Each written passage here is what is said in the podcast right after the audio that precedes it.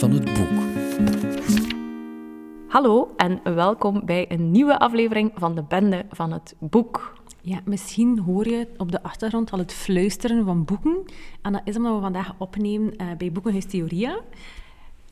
De reden daarvoor is vooral dat mijn buren aan het verbouwen zijn, maar het is toch ook leuk om in de boekenwinkel Ja. op te nemen. Ik Ja. vind het een speciaal gevoel. Ja, het voelt zo'n beetje, ik weet niet, heilig of zo? Of Ja. sacraal of zoiets. Ja, zo. inderdaad. Ja. We zitten ook zo boven de boekenwinkel, in zo'n mooie grote zaal, aan een, op een podium ook zo. Ja, eigenlijk zijn we een soort van performance aan het doen Ja, ja, maar dan enkel met luisterpubliek. Inderdaad. Voilà. Eh, we hebben ook een koffie gekregen en een cappuccino en zo wat knickknaksjes. En oei, ik zie wel maar één koekje. Ah, of hebben je het u al opgegeven? Nee, Ah ja, oké. Sarah. Maar mag het hem. Yes, Het is voor u. dank u. Vandaag hebben we een aflevering die we gaan gaan rond verhalen over vrouwen, over familie. Het wordt mega gezellig. Ja, gezellig wordt het sowieso, want we zijn nu eenmaal de bende van het boek. En uitzonderlijk dus, zoals ik al zei, zonder thee, maar een keer met koffie. Ja, als je denkt van die meisjes die verdienen wel een keer een koffie of misschien een theetje, je kan ons vanaf nu ook trakteren op een koffie of een theetje eh, via Buy Me a Coffee. Dus als je denkt, oké, ik ga die meisjes eentje zetten, promise, we gaan er geen rosé mee drinken, dan kan je gewoon via onze link in bio op Instagram of via bendevanboek.com een koffietje trakteren en dan zijn we mega blij. Voilà, en we beloven we er ook wel degelijk iets anders mee gaan doen dan koffietjes drinken. Zeker, misschien een boek kopen Ja. dat we daarna gaan bespreken. Voilà, kan allemaal. Dus nu al merci voor die koffie. Yes. Als je denkt van ik wil ze blijven volgen, maar zonder ze koffie te geven, dan kun je ook altijd inschrijven op onze nieuwsbrief via www.bendevanhetboek.com of via onze link in bio op de Instagram. Maar dat allemaal terzijde. We gaan praten over boeken.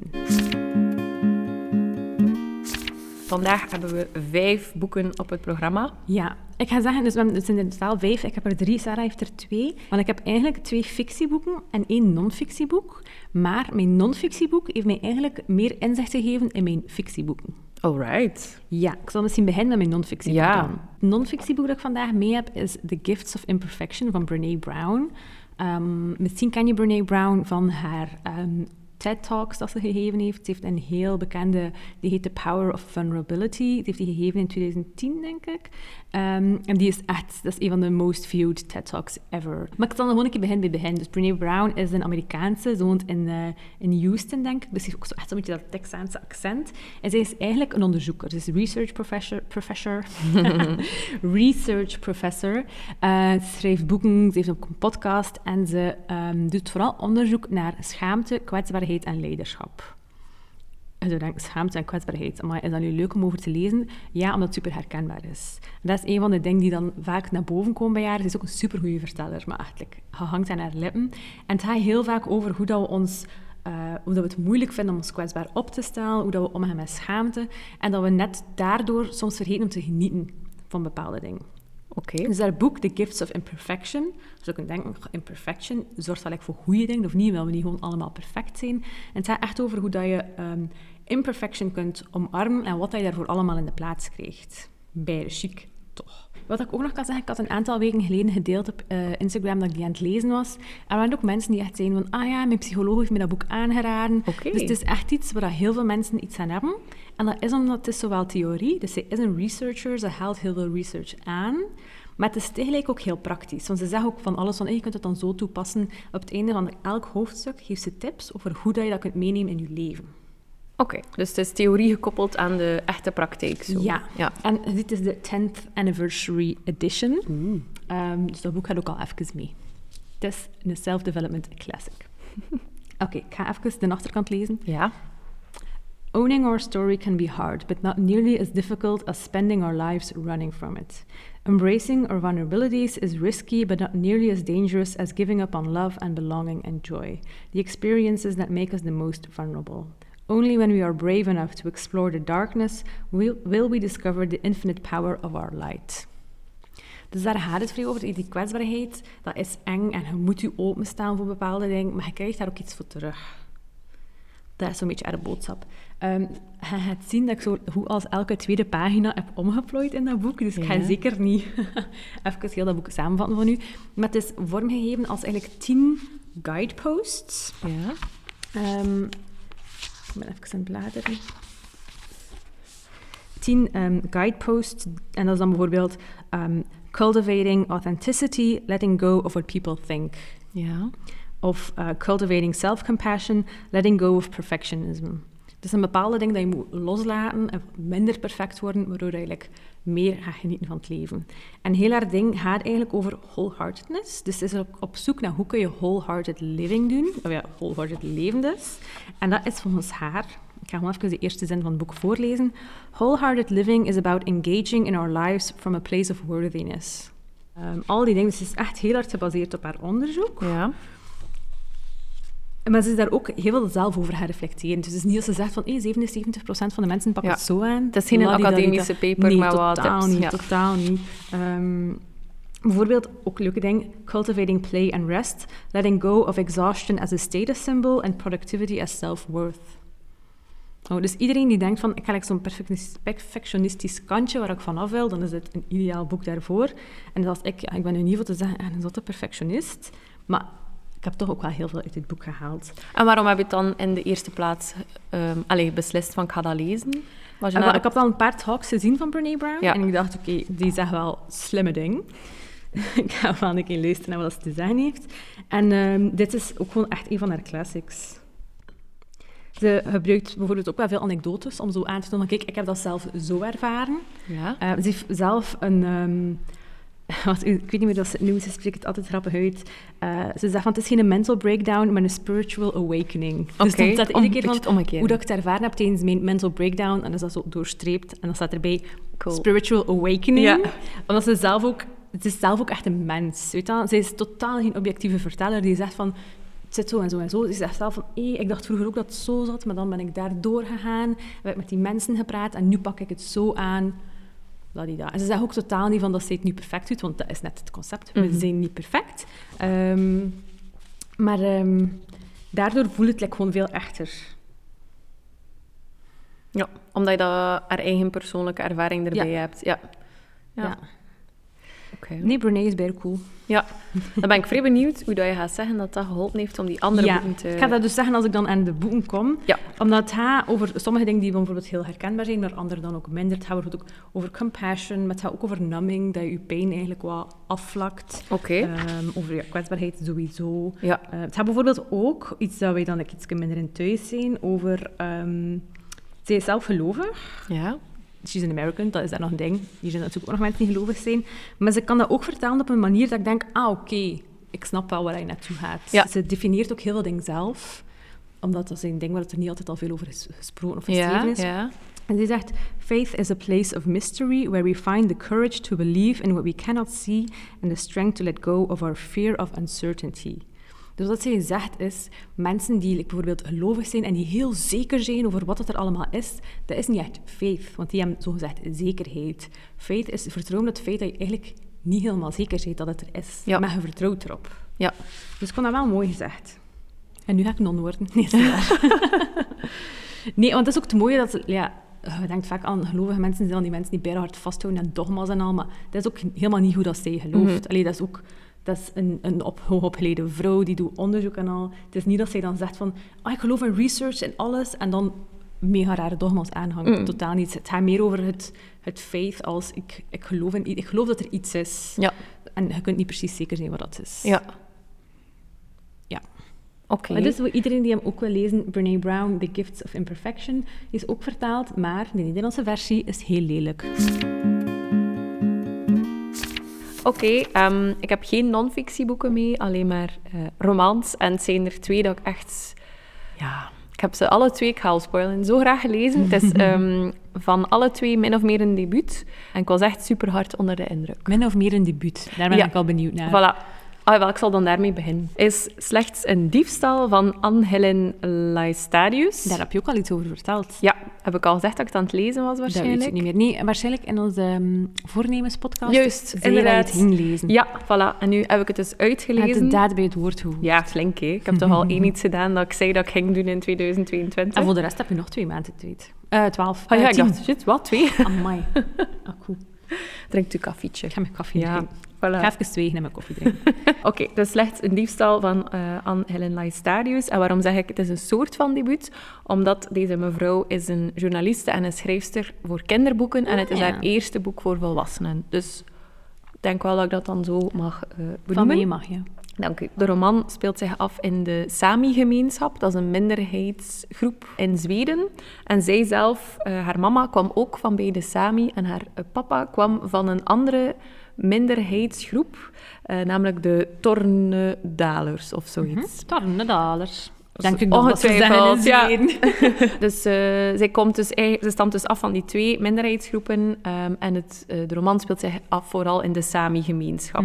En als je haar opzoekt, dan heeft ze ook vaak van die ehm, ja, traditionele kleren aan. Oeh. En die worden ook heel, heel vaak beschreven in het boek. Dus als je Ah, ja. Ze haar heeft ook foto... een Zweeds gezicht. Ja, ja, ook, ja, inderdaad. Heel- Zo helblauwe ogen, zo wat Ja, uitgesproken jukbeenderen. ja, Ja, zo wat blond-bruin haar. En dan heeft ze ook op de foto op het boek zelf heeft ze een typisch... Ja, is dat inktblauw, mag ik dat zo noemen? Van mij mag je dat inktblauw Ehm, noemen. Een inktblauwe jurk aan en dan zo een, een sjaal daarover met goud en rood. eh, en dan ook zo wat... ehm, ja, hoe zou je dat noemen? Broschjes die Ja, de sjaal bij elkaar houden. Ja, inderdaad. Dus ze maken dat allemaal zelf en dat heeft ook een betekenis. Je mag niet zomaar gelijk welke band eh, op Mhm. je sjaal steken enzovoort. Haar ander werk, ook het werk dat ze schrijft als journalist en voor, eh, de, of ja, voor kinderen en jongeren, gaan vaak over samenlevingen die veranderen of over Mhm. taalproblematieken, ook vaak over lokale politiek. Maar ook ja, liefde, vriendschap, dat is uiteraard The iets... of eh, life. voilà, eh, ongeacht in welke gemeenschap dat je nu eh, opgroeit. Eh, waarover gaat deze roman nu? Het speelt zich af in de Sami-gemeenschap en we volgen eigenlijk het leven van één ja, meisje in het begin, ehm, Elsa. Eh, had ik ook al verteld. Juist, ja. Uiteraard werd er even verme- verwezen naar... Snowman? zij eh, is een meisje van negen, denk ik, in het begin van het boek. De enige dochter ehm, in gezin. Ze heeft nog een oudere broer. Ehm, en heel typisch voor die Sami-gemeenschap is dat zij leven van de rendieren. Dus zij eh, kweken de rendieren, maar wel in de natuur. Dus Ja. ehm, eh, ze werken ook heel veel samen met de andere families. En dan zijn er uiteraard ook periodes dat ze die bewust kruisen. Hè, dat er eh, gezonde jongskes nog komen. Maar ook dat er ehm, ja, eh, hertjes eh, geslacht worden, dat vlees verkocht wordt. Ze ma- allee, ja, typisch, hè, ze maken ook gebruik van de huiden enzovoort. Dus die samenleving bestaat al eeuwen zo, maar nu is het steeds moeilijker om eigenlijk een soort evenwicht te vinden met ten eerste de moderne samenleving, als ik het zo mag noemen, omdat de verstedelijking uitbreidt. Dus die komen letterlijk dichter bij hun gebieden, ehm, waardoor dat er dingen zijn als er is weer een rendier overreden. De stedelingen, Ja. die vinden dat ambetant, want zij hebben dan hun... In Zweden hebben heel veel families die in de stad wonen, een soort Ja, buitenverblijfje. Dus zij willen gewoon naar daar gaan om te kunnen vissen, of ook om die, die rendieren eh, appreciëren ze wel, maar zien ze ook als zoiets ambetant. Dus er is zo'n beetje vrevel wel tussen de groepen. Ehm, en daarnaast ook eh, gaan de Sami-kinderen naar het school. En er zijn wel klassieke Sami-scholen, maar die zijn ook wel in de stad. Ja. Dus die kinderen komen ook in contact met... ehm, De wereld. de wereld, of zitten ook soms op gemengde scholen. En daar is heel veel conflict. Die kinderen worden vaak gepest of pesten ook anderen. Dus er is heel veel, ook fysiek, veel geweld ehm, tussen de kinderen, maar ook tussen de ouders. Dus er is heel veel onbegrip. En dat is een groot deel van het verhaal. Er is ook zo een, een niet zo goede verhouding met de politie die in de stad actief is. Eh, want het is zo dat die Sami, ehm, dat er meer en meer ook herten worden gestolen. eh, of gewoon voor dood worden achtergelaten. Oei. Dus ze worden duidelijk ja, echt gruwelijk, want het staat soms heel gedetailleerd beschreven, om het leven gebracht. Ja. En de politie heeft daar niet echt gehoor aan. Ze vinden dat vooral ambetant, omdat ze dan eerst een uur moeten rijden, gewoon om te zien dat er een Bambi dood is, bij wijze van spreken. Dus ze negeren dat zo'n beetje. Maar bijvoorbeeld dan de papa van Elsa, die heeft echt al honderd rendieren die, die zo om het leven zijn gebracht. Echt? En er wordt niet naar gekeken en er wordt dan gewoon... Dus de- onrechtvaardigheid Het is echt onrecht, ja. En ze krijgen dan telkens als, in, ja, via de post een brief met het is slechts een diefstal. Dus vandaar de titel. Amai. Dus het wordt niet als, ehm, ja, als een moord of als een ehm, bewust vernielen of, of ook Of gewoon als dierenmishandeling of, of pestgedrag beschouwd. Er is ook heel weinig politie, onderbemanning enzovoort. Eh, Met al die moorden die altijd gebeuren in Scandinavië. ja, dat is wel zo. Dan worden ze opgeroepen om naar een... Ja, dan moet je eh, daarover in een true crime podcast gaan babbelen. Ja, geen kleur als ze niet kunnen kijken naar die elan. Voilà, dus dat is een beetje de setting. Je hebt die vrevel. En dan heb je het individuele verhaal van ons Elsa, die... Kan ehm, mm, nee, maar er komt ook wel een stukje in over magie, omdat Mhm. dat wel een, nog een onderdeel is van Ja. die gemeenschap, maar niet, niet, niet heel... het is geen groot deel van, eh, van Ja. de samenleving. Ehm, dus je hebt dan Elsa dat gevolgd, want het is ook zo dat je dan als vrouw mag je eigenlijk niet over een eigen uh, groep rendieren beschikken. Je moet trouwen met iemand en hij is dan de baas, maar je mag wel um, ook wel een soort leiding daarin nemen, maar nooit echt officieel. Je kunt geen bezit hebben. Nee, voilà. Um, maar Elsa is een natuurtalent. Ze kan ook vrij goed omgaan met die rendieren. Um, dus ze doet wel eigenlijk dingen die normaal de jongens uh, mogen ja. doen.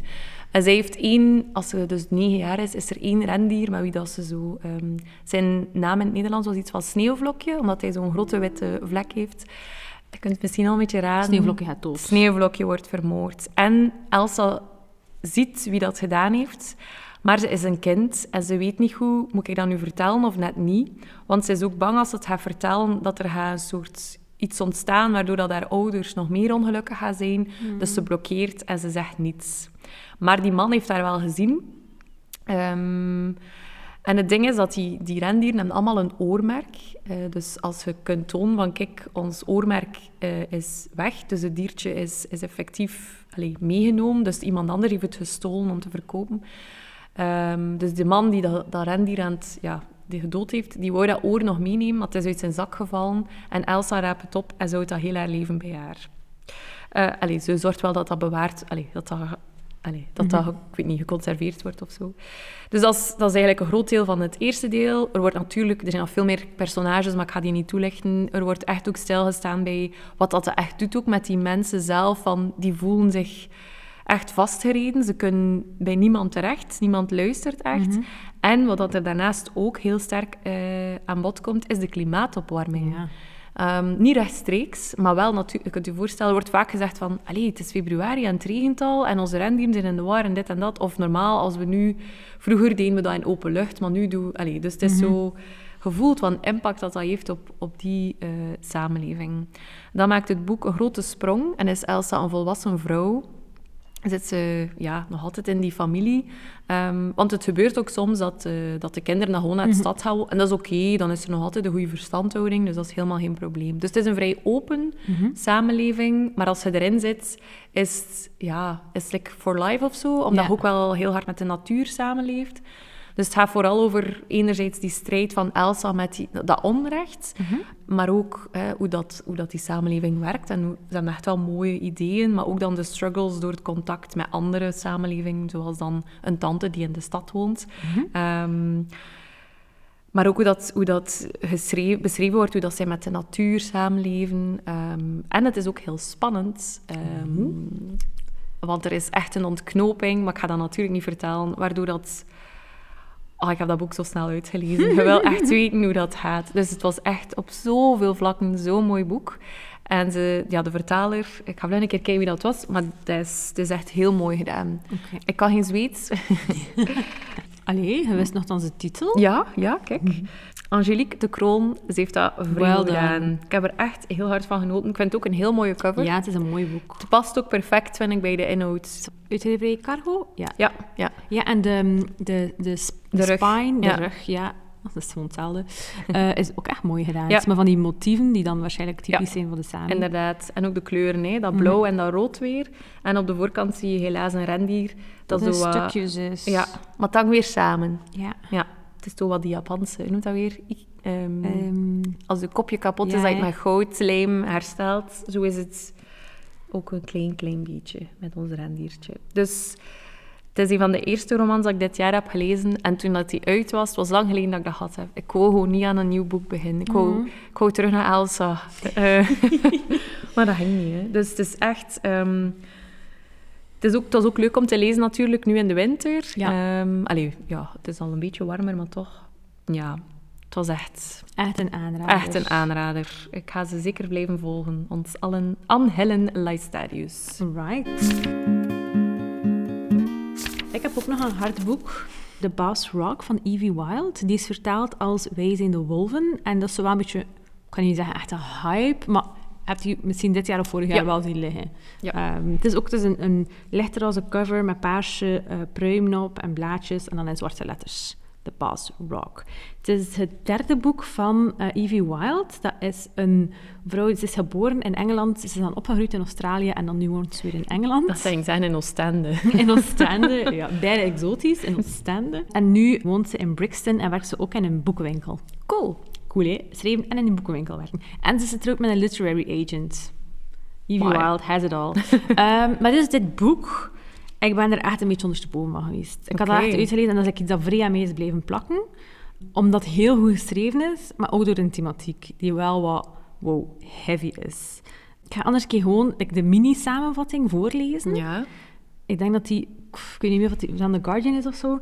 En dat gewoon in, in één zin. Set in Scotland, it explores the lives of three women living in different centuries and the ways their lives are impacted by masculinity and male violence het begin is like allemaal tof, maar dan is zo masculinity en male violence. En het soms denk je van, ah, allee, op zich, okay, vrouwen hebben van lastig, maar oh, val wat mee, we komen er wel. Maar dan lees je zo'n boek en dan denk je van, oh my god, wat een lange geschiedenis van toxische masculiniteit bestaat er niet. En ook, wat gebeurt er vandaag nog allemaal? Mm Dus we volgen in principe drie vrouwen. Dus zijn drie grote verhalen dat we volgen.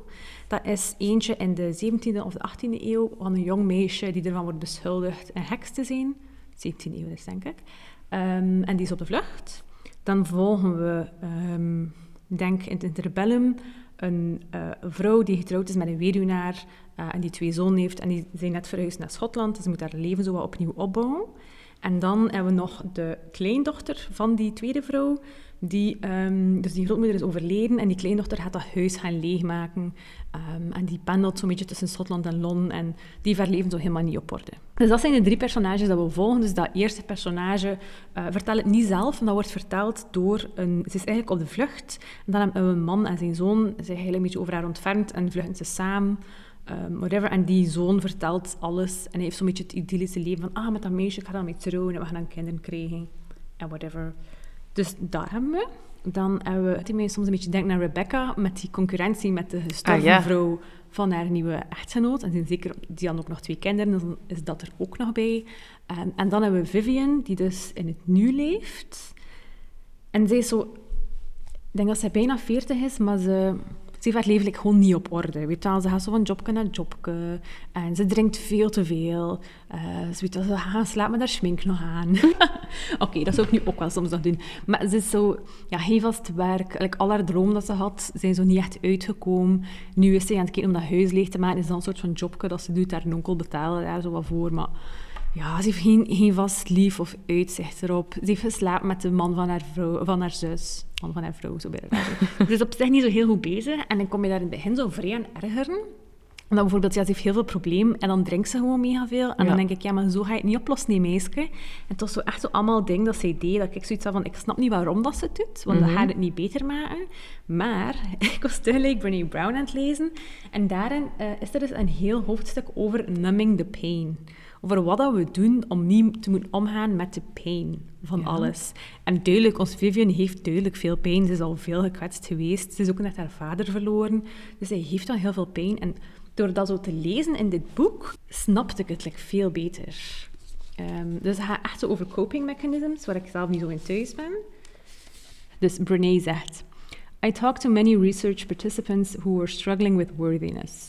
When you talked about how they dealt with difficult emotions such as shame, grief, fear, despair, disappointment, and sadness, basically alles wat Vivian mee worstelt in dit boek, I heard over and over about the need to numb and take the edge off of feelings that cause vulnerability, discomfort, and pain. Participants described engaging in behaviors that numb their feelings or help them to avoid experiencing pain. Some of these participants were fully aware that their behaviors had a numbing effect, while others did not seem to make that connection. Iets verderop zei ook, um, addiction can be described as chronically and compulsively numbing and taking the edge off of feelings. Dus dat doen onze Vivian een beetje. En ook, we cannot selectively numb emotions. When we numb the painful emotions, we also numb the positive emotions. Dat ook wel, je kunt niet gewoon zeggen van, ik kies ervoor om de slechte dingen niet meer te voelen dan voel je ook de positieve niet meer. Dus dat is iets dat. Ik keihard in dit boek zit. Vivian doet dat. Ehm, het stukje over haar, grootmoeder, die eigenlijk niet helemaal haar grootmoeder is, want dat duurde even tegen dat ik het helemaal door had. Over Ruth, dat is ook, die zijn heel tijd bezig met zo die edge daaraf te nemen. Ze misleiden nu soms een beetje dat je niet doorhebt hoe ernstig dat de situatie is, omdat ze eigenlijk denken van, oké, als ik dat gewoon zo wat onder druk en al, dan ga ik het minder voelen. Het gebeurt ondertussen wel allemaal. Ja. Bijvoorbeeld, ons Ruth is dus getrouwd met haar weduwnaar. En die weduwnaar is gewoon uh, aan de Bass Rock. Ja, dat is misschien nog belangrijk, is een plek in Schotland. En de Bass Rock is zo'n grote rots in de zee. En die zit daar ook heel tijd. Echt zo dat, die omgeving, de regen, het is Schotland. En dan, dat heeft ook echt zo wat een, um, een impact op de sfeer. Hey, dus ons Ruth woont daar. Ze woont daar met haar man. En die moet nog af en toe naar Londen voor het werk. Ik had zoiets aan, amai, die pan, ik gewoon heel trein naar Londen. Ik vond dat vrij gek, want in mijn hoofd is Schotland daar vrij ver van. Maar wat, um, blijkbaar doet hij dat heel tijd. En op een dag, ik weet niet meer waarom, maar ze heeft het gevoel, want er is iets niet helemaal juist, gaat ze mee. Allee, ze gaat niet mee. Hij pakt de trein en ze gaat gewoon in de volgende wagon Zag gaan volgt hem. volgt hem. En dan stopt hij gewoon in Edinburgh, stapt hij uit en staat zijn tweede vrouw, allee, zijn, zijn minnares daar, zwanger. Oh, ja, zwanger. Ondertussen heeft Ruth, uh, heeft Ruth ja, na een paar jaar huwelijk nog, ook, nog altijd geen kind. Dus dat is dan ook weer dat van...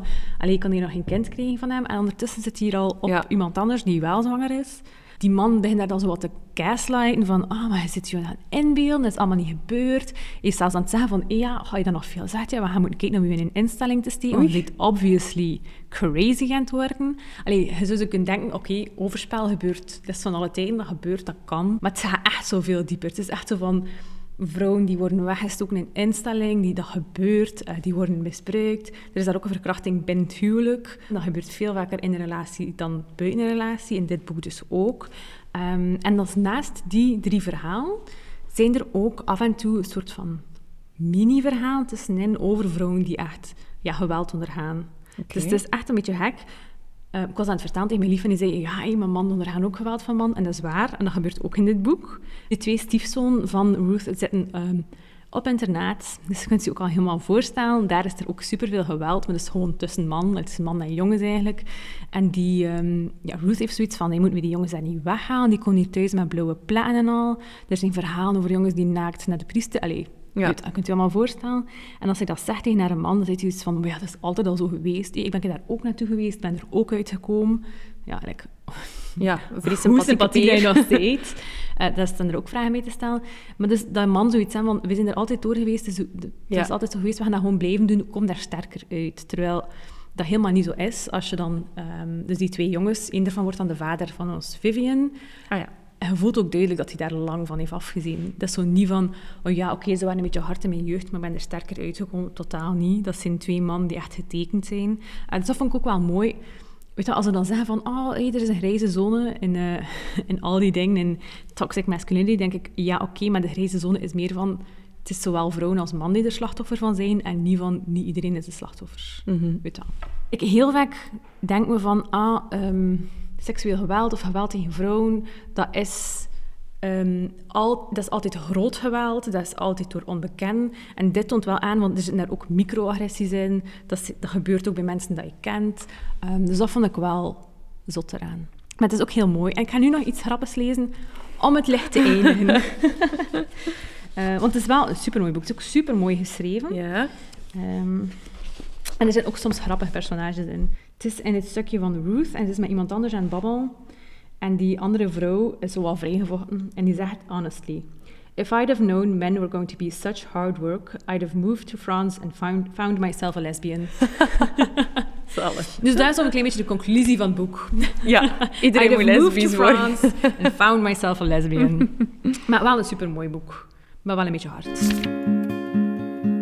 We hebben nog twee boeken. Um, Het mijne sluit eigenlijk wel goed aan op wat je daarnet right. zei. Uh, dat is de familie van Naomi Kropitsky. Mm -hmm. Daar mhm. heb ik ook al uh, nu en dan enthousiast over uitgelaten Inderdaad. toen ik het aan het lezen was. En mijn enthousiasme is alleen maar uh, gebleven. Mm -hmm. Het gaat over ja, de familie. het is een zeer duidelijke titel. We leren twee vriendinnen kennen, die je ook op de cover. Namelijk Sofia en Antonia. En zij zijn alle Oh twee... god. Het personage, het hoofdpersonage van mijn volgende boek heet ook Antonia. Echt? Like, hoeveel Oh, personages dat denk zijn er Sofia. Nee. Wow, oké. Oké, Dan hebben we al een sprong naar het, het laatste boek. Ik ga jullie laten verder praten. Eh, dus Sofia en Antonia eh, zijn alle twee dochters van twee mannen die in dezelfde Italiaanse maffia-wereld verkeren. In het New York zo net voor, tijdens en net na de Tweede Wereldoorlog. Dus New York is nog in volle opbouw. Eh moet dan even pauzeren. En dan gaat het weer verder. Dus je hebt zo die tijdsgeest. Je leert de familie kennen als die twee dochters ook weer zo kleine meisjes zijn.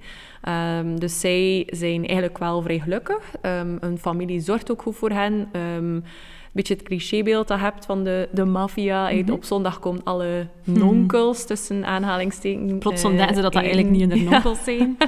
De mama's staan allemaal in de keuken, maken heel veel eten. Het is eigenlijk allemaal vrij tof en gezellig. Maar op een bepaald moment moeten de mama's en de dochters eh even weg. Eh, maar ze zijn zich niet echt... Allee, ze worden supergoed verzorgd. Maar ze merken wel dat als ze op school bijvoorbeeld toekomen... In het begin zijn ze ook vriendjes met andere eh, kindjes. ehm, maar dan de mama's hebben dat niet zo graag, maar ze zeggen niet zo goed waarom.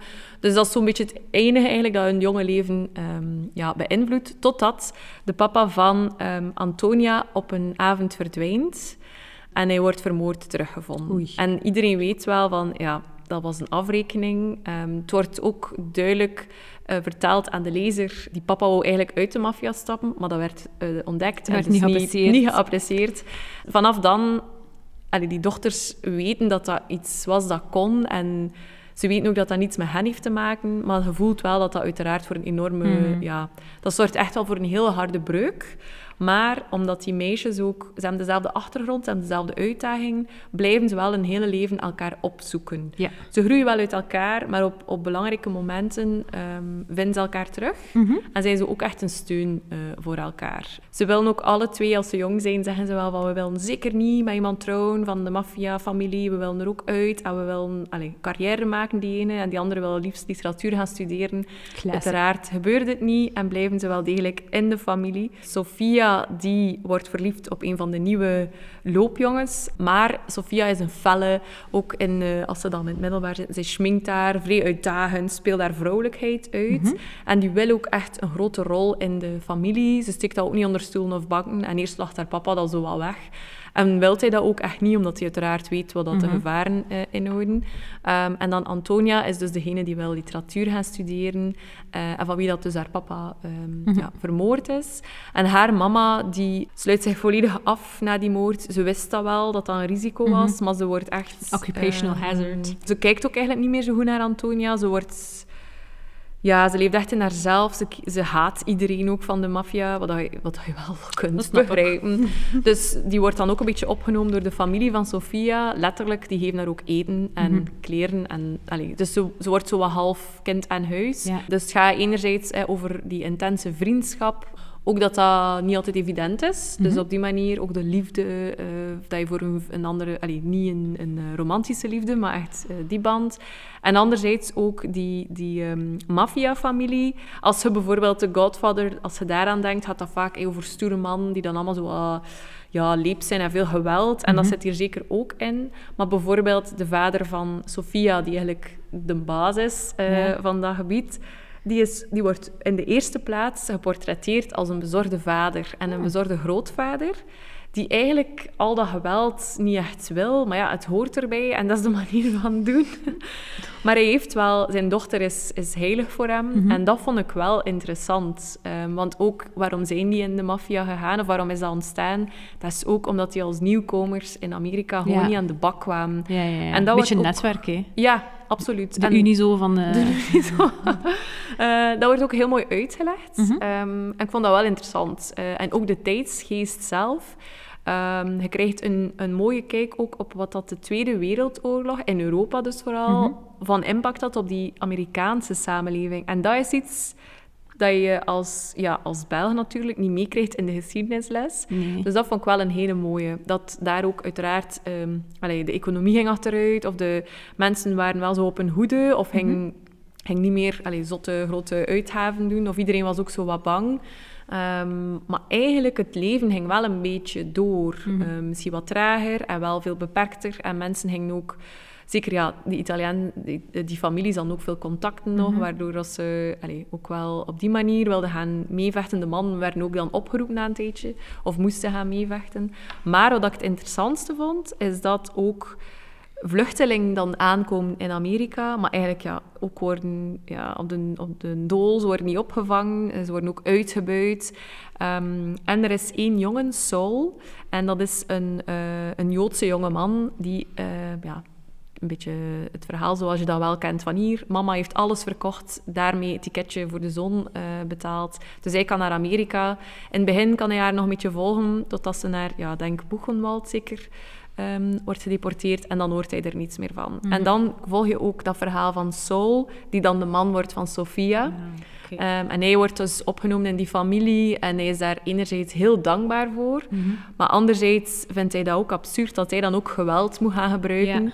Dus, dus dan dat verhaal, ook zo die, die absurditeit. Je komt terecht in een nieuwe wereld waar je niemand kent. Je weet niet hoe dat is met je familie in Europa. Je bent enerzijds blij, maar je, leidt een leven plots dat je eigenlijk niet wil of dat je niet op voorbereid was. Dat vond ik ook een heel interessante verhaallijn. Dat had ik nog niet ergens anders ehm, opgepikt. Voilà. Dus het gaat eigenlijk vooral ook over dat niet zwart-wit is. Hè. Dus zoals ik al zei, je hebt dan de evil godfather, die ook de beste opa is. Allee, Ja. zo, zo die dingen. En dat maakt dat boek ook heel waardevol.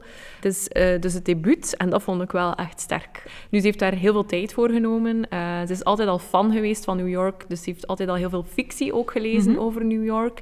En ze wou ook iets doen met mythes. Ik vind dat je dat wel een beetje voelt. Omdat je bijvoorbeeld, als je ook denkt aan, alle, aan de Griekse mythologie, Ja. zo die godenmelden, Ja, ja, ja. als, je voelt dat wel een Andere beetje. relaties. Ja. Wat dat ze ook belangrijk vindt, en dat er wel gelukt is, is dat er in fictie meer vrouwen schrijven over sterke vrouwen. Ze had Ja. perfect ook dit verhaal vanuit de mannen kunnen doen. Ja, Vanuit de, Wat die al een- wel veel hoort, hè? Voilà, voilà. En juist omdat je gewoon vanuit dat perspectief van Sophia en Antonia heel dat verhaal krijgt, wordt het iets eh, uniek. Ze wordt de New Yorkse Elena Ferrante genoemd. Ik was daar ook aan aan het denken. Met die twee vriendinnen, het is natuurlijk Italiaans. Dus zeker een aanrader. Het heeft ook een onverwachte wending. Dus het is eigenlijk alles wat je wil van een, eh, van een roman. Voilà. Ja. Echt iets meeslepends. Ja, ja. Zo wel vrij dramatisch, maar wel ook ehm, met mooie passages en ook weer over ja, liefde, vriendschap en hoe dat je als mens voor elkaar kunt zorgen. Schoon, Sarah. Ja. Dan hebben we nog één boek, waaronder het hoofdpersonage ook Antonia heet, like What Are the Odds? En dat is Pluto van Lara Taverne. Ehm, het is een boek, ik denk, nog, dat was nog net 2021 toen dat uitkwam. Ehm, ik heb dat in december gelezen.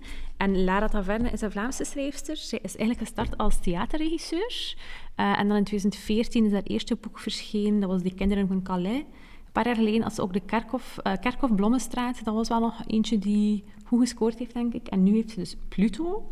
De ondertitel is Aan het einde van de weg rechtdoor. En het verwijst eigenlijk naar een, ehm, een huisje op een dijk, waar dat Antonio, Antonia, ons hoofdpersonage, met haar moeder en haar eh, drie zussen een zomer heeft doorgebracht. En dan was ik, weet wel, kent dat van die zomers van je jeugd? Dat was de beste zomer ever. Daar is er nog gouden gloed over, is dat heel nostalgisch naar. Ehm, en omdat dat huisje zo in, een, ja, in the middle of nowhere stond, zijn ze dat Pluto gaan noemen. Ah ja. En waarom begin ik met over dat huisje te vertellen? Ja, omdat het de naam van het boek is. Maar ook, toen ik vanmorgen mijn research deed, zag ik dat ehm, Lara Taverne zelf 13 jaar in een eenvoudig huisje op een dijk heeft gewoond. Ma. Ja, en ik wist inderdaad dat zij zo in een huisje was gaan wonen dat vrij crappy was. Eh, en dat ze het dan helemaal zelf eh, met haar man had, had opgedaan en al. Eh, maar als ik nu lees over dat huisje, dan is dat keert dat huis uit het boek. Dus eigenlijk heeft ze een boek geschreven over haar huis. Maar ik las ook dat ze onteigend worden. Oei. Allee, ze, eigenlijk huren ze dat huis, maar dat gaan die huizen wegdoen en ze gaan naar villa's zetten. Mega jammer. Ze heeft een supermooie column geschreven die op radio1.be stond. Ik ga een stukje lezen. Eh, als iemand dat boek al gelezen heeft, dan ga je keihard herkennen van amai, ja, het is echt van dat huis. Eh, het is gewoon een stukje eruit. Hoogzwanger stond ik hout te klieven in de sneeuw. Zat ik borstvoeding te geven naast een kachel die maar niet wilde trekken. Mijn man ging s'nachts op zolder de pannetjes regenwater legen. Was ik niet zo verliefd op hem en op de boomgaard in de lente, ik had het misschien veel eerder opgegeven. Die pannetjes op, dat, op die zolder en een kachel die niet wil trekken. En ook ja, dus ons personage, als ze daar zaten later moment terug naar Pluto, is niet hoogzwanger, maar ze heeft ook wel een baby mee. Dus allee, herkent echt zo heel veel dingen. En als je in dit boek zo leest van, amai, gaat hij in zo'n situatie naar een huis dat zo crappy is? Like, hoe kan dat zelfs? Dus dat vond ik um, super mooi. En ik ga al eerst iets vertellen over de stijl van Lara Taverne en dan over het verhaal. Ik vond haar stijl super mooi. Het is heel beschrijvend, maar niet, niet op een saaie of overdadige manier, maar net op een heel tactiele manier. Like, als je haar beschrijving ziet, het is like dat je er ook ziet. Um, dus we hebben twee hoofdpersonages. Enerzijds volgen we het verhaal van Antonia, maar we volgen ook het verhaal van haar dochter zoveel jaar later. Haar dochter heet Luki en uh, zij verwacht haar broer die thuiskomt van een lange reis en ze heeft haar huis wat opgeruimd en al. Ik ga gewoon kort beschrijven, uh, voorlezen hoe dat Lara Taverne dat beschrijft. Okay. Het is heel mooi. De gevulde vazen deden de hele benedenverdieping ruiken naar een bloemenveld na de regen. Met haar fietssleutel sneed ze het plastic raampje van een pak witte buffetkaarsen open en ze smolt de kontjes alvorens ze stevig in de glazen kandelaars van oma Zee te duwen. Ze besefte het heel goed. Het was opletten of het etentje voor haar broer werd een trouwfeest. Intussen staat de feesttafel al dagen klaar, wachtend op zijn komst van morgen. Bedachtzaam leeft ze om de tafel heen. Ze eet staand, leunend tegen het aanrecht, en terwijl ze grote happen in haar mond lepelt, kijkt ze naar de perfecte feesttafel, zonder gasten eromheen. Al kan ze haar broer zonder moeite in het plaatje denken. De uitgedrukte peuken is een bord, een been op het tafelblad, een verhaal dat Kant nog wel raakt, zijn vingers spulkend aan de bloemen. Je hebt voor die conservebloemen toch niet betaald, zusje. Je denkt van, oké, die bloemen staan daar, maar hoe dat ze met haar fietssleutel, dat plastic ja, ja, ja. Je kunt je allemaal echt heel mooi voorstellen, zonder dat zo te overdadig wordt ja. of zo. Maar dus het boek, um, het is eigenlijk een soort van raamvertelling, maar je ontdekt pas na een tijdje dat het een raamvertelling is. Dat is de beste. Maar uh, Antonia is een, um, een meisje, ze is de jongste dochter. En haar moeder is alleen, dus er is geen papa. En ze heeft vier meisjes. Um, twee daarvan van dezelfde papa en dan nog twee van elke andere papa. Ze heeft er vier en Antonia is de jongste. En die uh, andere zussen, die hebben nog contact met haar papa, maar zij eigenlijk niet. En eigenlijk doet haar moeder heel tijd dat dat is omdat haar papa heel saai was. En dat is, ze heeft hem gewoon verlaten, dat hij haar verveelde en al. En Antonio is zoiets van, dat is wel jammer, want mijn zus namelijk allemaal van die spannende verhalen over hun papa's. En de mijn blijkbaar gewoon zo saai dat mijn moeder is weggegaan. Maar dan bleek na verloop van tijd dat de reden dat haar moeder er niet over vertelt, is omdat haar vader... Um, heeft eigenlijk uh, zelfmoord gepleegd. Die heeft een heel korte affaire gehad met haar moeder. En dan heeft hij zelfmoord gepleegd. Die was zelf ook nog heel jong. En dat is zo wel iets dat haar zo'n beetje... Ja, dat ga ik aan haar blijven plakken feit dat ze dat dan op een bepaald moment te weten komt. Ja. Um, maar dus dat is een beetje de situatie. Het is ook, ja, op een bepaald moment heeft die moeder zoiets van, ah, we gaan verhuizen naar een dijkhuisje, dat gaat mega tof zijn, we gaan in de natuur gaan wonen, en ze doen dat dan voor die zomer. En daarna heeft die moeder weer zoiets van, ja, oké, dat was leuk. We gaan terug naar de stad. Allee, het is heel impulsief. Ja. Um, en dan die, die dochters gaan eigenlijk allemaal een beetje mee, die hebben allemaal ook hun eigen karakter. En als Antonia is misschien de meer introverte van heel dat gezin. Ja. Um, ze, ja, zij heeft al geen vader, terwijl de rest al wel heeft. Dat plakte wel wat naar. En ze, mm, op een bepaald moment, ja, dus ze groeit dan op, ze gaat dan gaan studeren. En dan ontmoet ze zo wat de man van haar leven. Wiens naam dat ik nu even vergeten ben. Sorry. maar anyway, eens heeft echt het gevoel van thuiskomen. Ze raakt ook zwanger terwijl zij nog studeert. Haar man is laborant. Ehm, en ze krijgt haar eerste kind. Maar dan krijgt ze een heel zware postnatale depressie. Ze blijft altijd in bed. Die man zorgt wel voor haar, maar op een bepaald moment is zij dan weer al zwanger. En dat wil ik allemaal in een waas. En zij blijft nog altijd heel depressief zijn en dat haal ik echt niet meer. En op een bepaald moment zegt ze ook tegen die man, ga maar weg, verlaat mij maar, ik wil u dit niet aandoen. En dan gaat hij weg. Oei. Ja, like, wat fuck gast. Bedoel, dus zij blijft daar met die twee kinderen? Doe like, nooit iets wat een postnataal depressieve vrouw je vertelt. En dan, op een bepaald moment denkt ze van... Ik ga gewoon terug naar dat dijkhuisje, naar Pluto. En dan zien we wel, weet wel. Ofwel haal ik het en overleven we dat like, allemaal. Om, Ja, die is... Ja, die is van de wereld. Hè. En die gaan daar naartoe en hebt echt zoiets van, allee, hoe zijn die nu aan het doen? Ze fietst daar ook helemaal naartoe, met een kind op haar rug en een kind voor haar. En ja, die Pluto speelt op die manier wel echt een heel belangrijke rol. Het is een van de mooiste momenten van haar leven als ze daar is. Mhm. Maar ze gaat er ook naartoe op een van de donkerste momenten van haar leven. Nu, hoe komen we dat allemaal te weten? Eigenlijk um, vertelt Luki vertelt een beetje over haar leven. Dus dat is dan haar dochter. Vertelt over haar broer, over uh, haar moeder. Want haar moeder is er niet meer. En je komt dan ook na verloop van tijd te weten van waar is die moeder naartoe. Ga ik niet zeggen. Um, en zij vindt op een bepaald moment ook manuscripten. En dat is van haar moeder die dit allemaal vertelt. Oké. Want zij wist dat nog niet. Zij wist zo wel een paar dingen. Van wie was mijn moeder, van dat toch babbel met haar tantes, met haar grootmoeder, die nog altijd zo wat wacko is.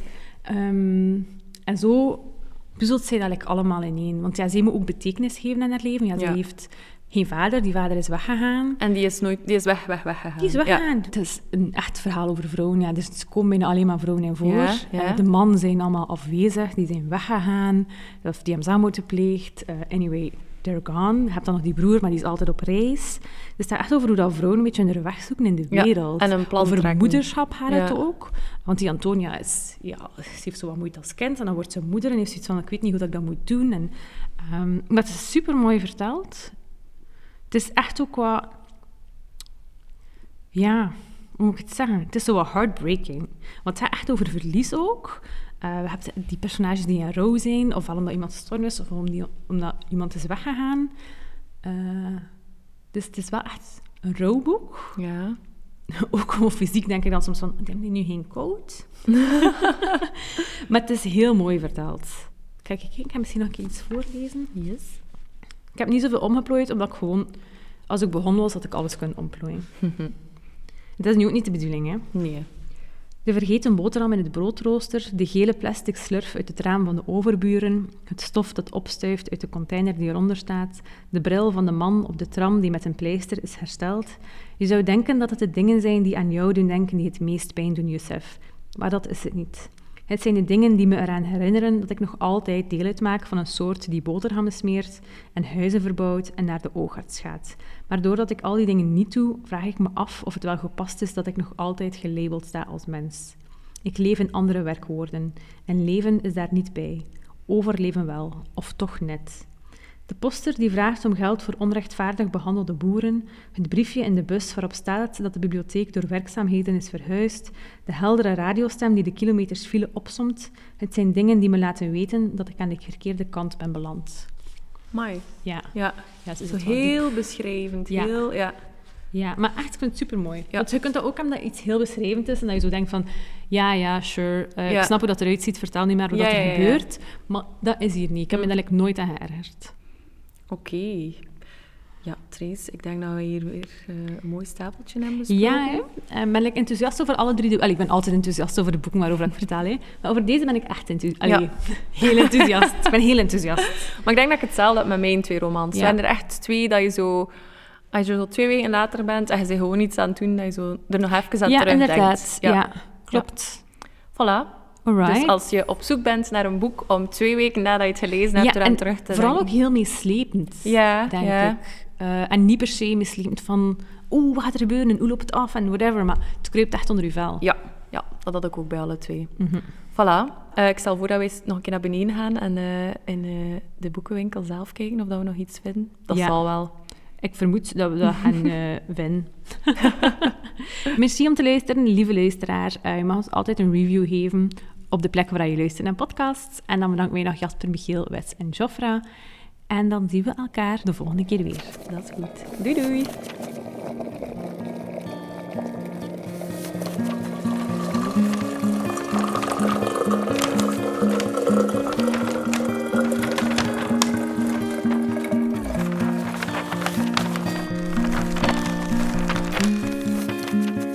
Bende van het boek.